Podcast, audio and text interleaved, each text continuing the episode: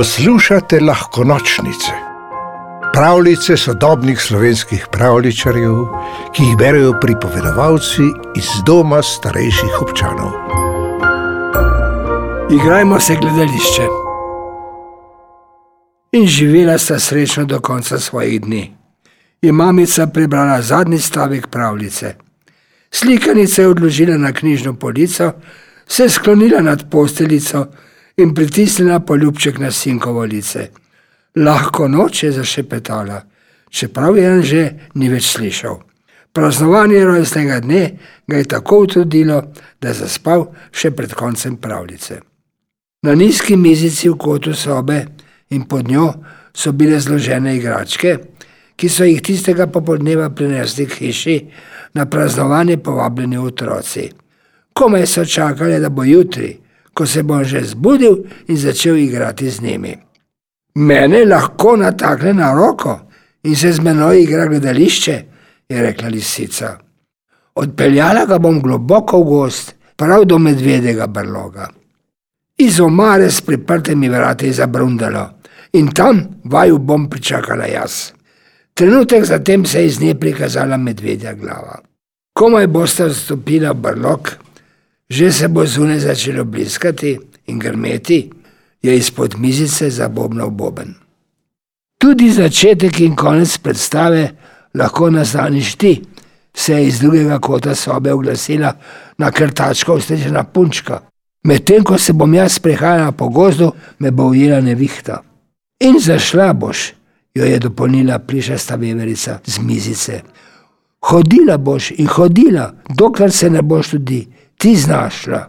Pred mojim barlogom je vzkliknila medvedka, za katero sta iz omare prilezla še njena mladička. Bam, bam je zabobnal boben. Ne, to pa že ne je rekla punčka, preveč bi se ustrašila. Na začetku že je odvrnila medvedka, potem pa boš videla, da sem v resnici prijazna in da ti ne bom storila nič žalega. Nasprotno, ponudila ti bom zavetje pred nevihto.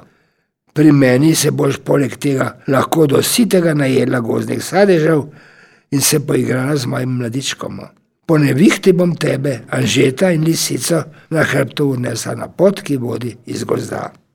Na robu gozda bom na te in na lisico čakal jaz, je zabrnel ob mizici parkiran traktor s prikolico. Tam bom tudi jaz, se je oglasil leseni koniček. Z menoj bo domov odjezdil Anže. Ja, kaj pa jaz, je vprašala nova rdeča žoga, kaj bom jaz?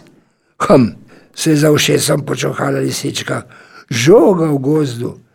Ja, zakaj pa ne, je vzkliknila punčka. Več nas bo, bolj bo veselo. Ti si lahko, ti si lahko. Že vem, je zaklicala lisička. Ti boš darilo, ki ga bo punčka v zahvalo, ne samo medvedki, ko bo šla naslednjič v gost. S teboj se boste žogala medvedja mladička. Pa mi se izpod postere zatrubili avtomobilčki. Avtomobilčki v gozdu, se je zgrozila veverica. To pa res ne gre, je priznala punčka.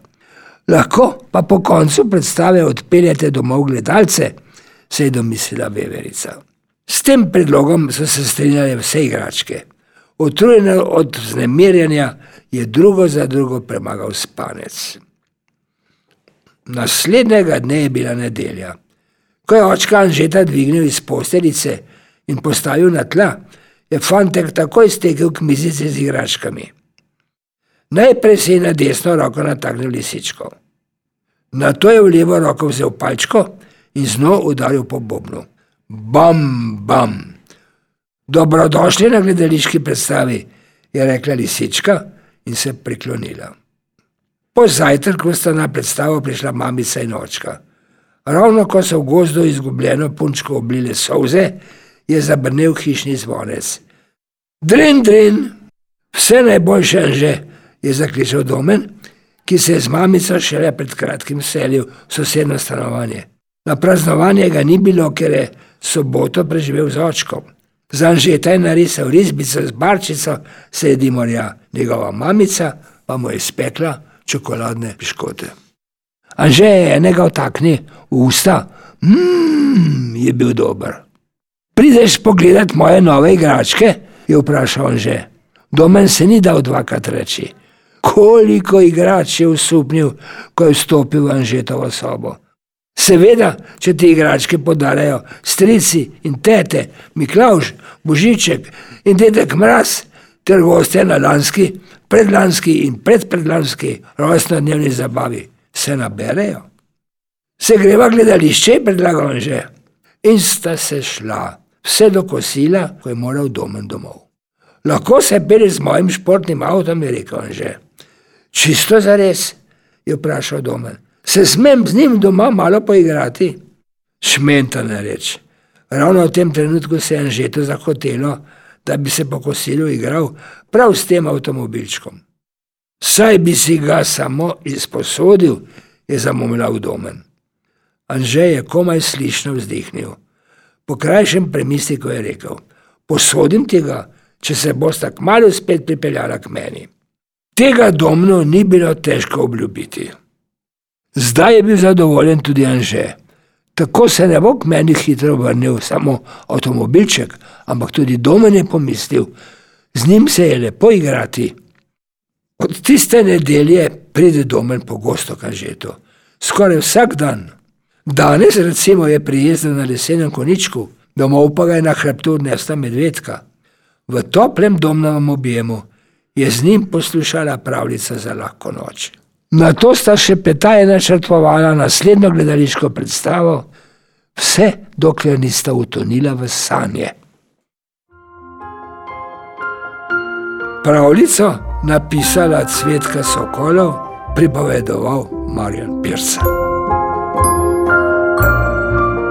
V deželo princesk, zmajev, gozdnih vil in ostalih čarobnih biti ste vabljeni vsak večer novi pravljici prisluhnite na lahkonočnice.si. Pa lahko noč.